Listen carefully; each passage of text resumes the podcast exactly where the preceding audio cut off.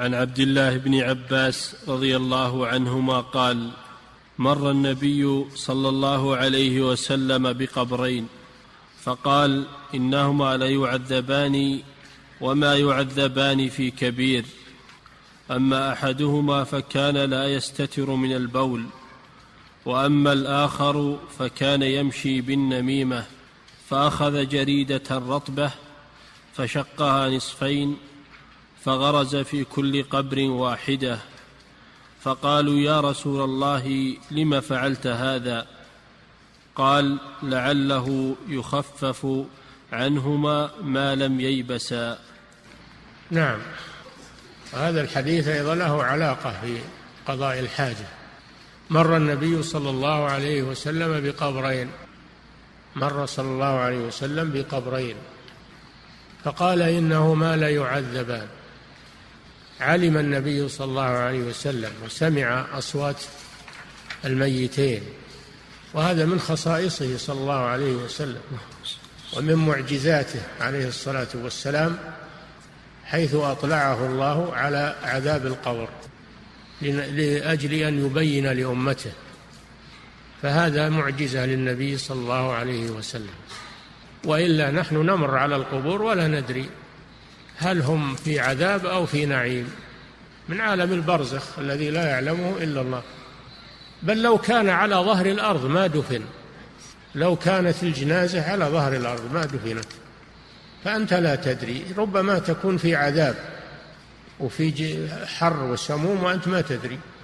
أو تكون في نعيم وفي روضة من رياض الجنة وأنت لا تدري عنها. لأن هذا من علم الغيب الذي لا يعلمه إلا الله. فما بعد الموت هذا لا يعلمه إلا الله أو من أطلعه الله عز وجل على شيء منه. فقال إنه ما لا يعذبان. هذا من معجزاته صلى الله عليه وسلم. ثم قال وما يعذبان في كبير. وفي رواية أما إنه كبير. ما يعذبان في كبير. الغيبة والنميمة. هل, هل الغيبة ما هي بكبيرة والنميمة ما هي بكبيرة؟ وهل النميمة ليست كبيرة وعدم الاستنجاء من البول؟ هو كبيرة. لكن يقولون ليس معناه ليس كبير عليهما درءه ليس كبيرا عليهما درءه والابتعاد عنه. أو أنه ليس من أكبر الكبائر لأن الكبائر تتفاوت. بعضها أكبر من بعض. الشرك بالله هو أكبر الكبائر. والزنا أكبر الكبائر وشهادة الزور من أكبر الكبائر تولي يوم الزحف أكل مال اليتيم السحر. هذه من أكبر الكبائر. فالغيبة والنميمة وعدم الاستنزاه من البول كبيرتان لكنهما ليست من أكبر الكبائر. أو أنه ليس بكبير عليهما اجتنابهما. ما يعذبان في كبير يعني كبير عليهما اجتنابه. لو أنهم فعلوا ذلك. الله أعلم. أما أحدهما فكان لا يستبرئ من البول. هذا محل الشاهد. لا يستبرئ وفي رواية لا يستنزه وفي رواية لا يستتر من البول. لا يستتر من البول. هذا محل الشاهد من الحديث إنه ما كان يستنجي ولا يستجمر وإنما يتبول ويمشي.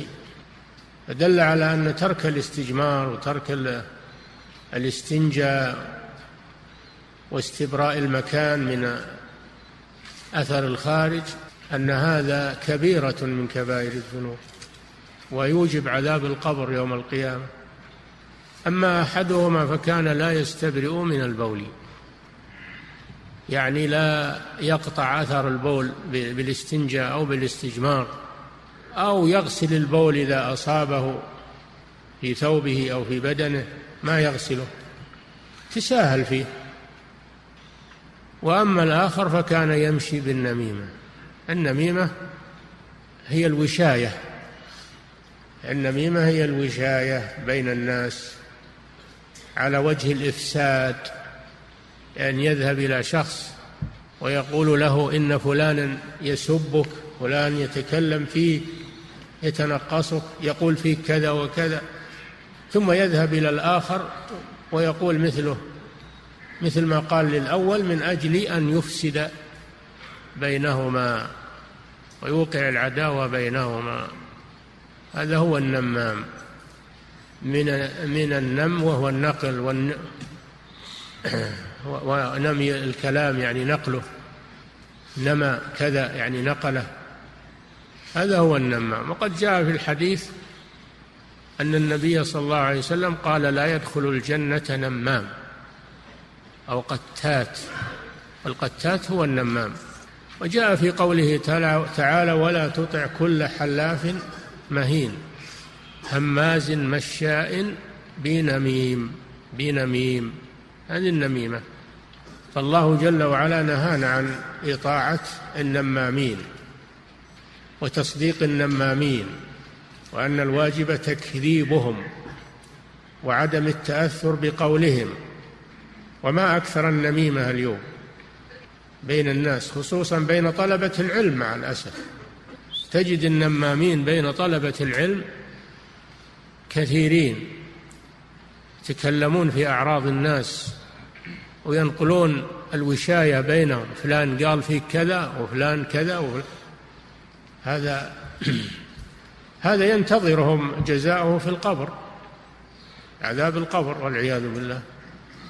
فعلى المسلم أن يطهر لسانه من النميمة. فدل هذا الحديث على مسائل.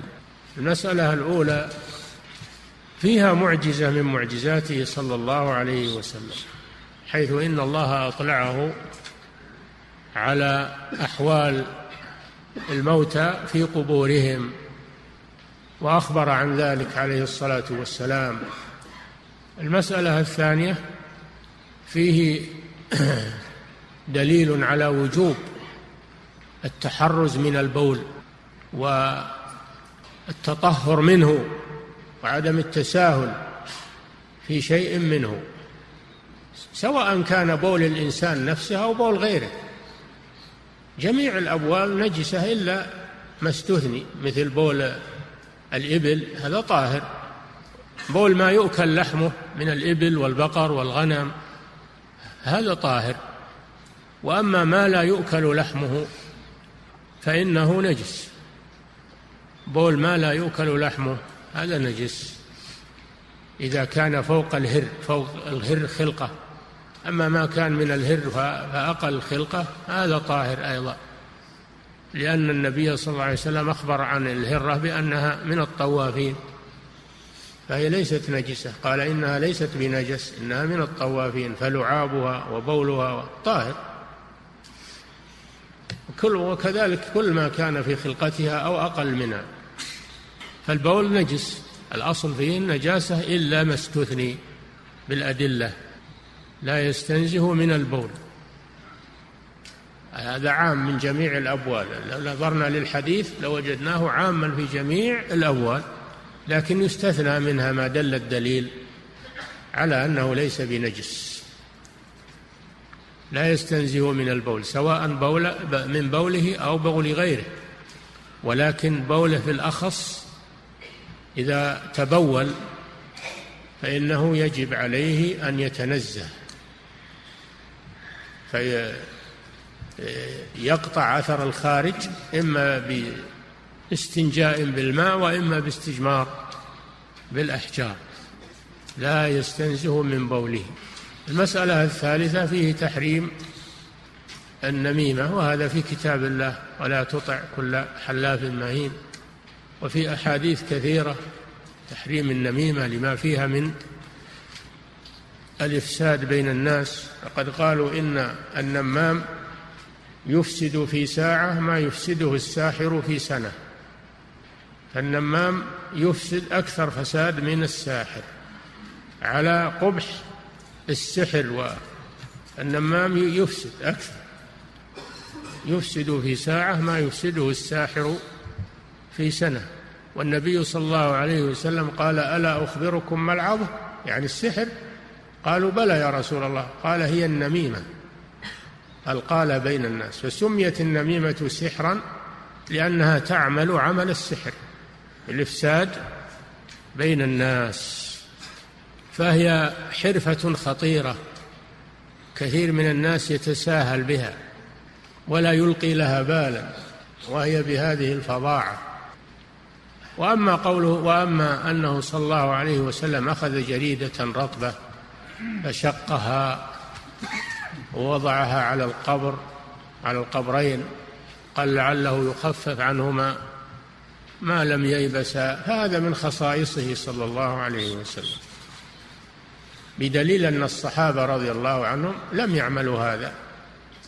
الصحابة ما كانوا يعملون هذا ولا يجيبون جريد أو خوص ويصفونه على القبر أو أو يغرسون شجر على القبر.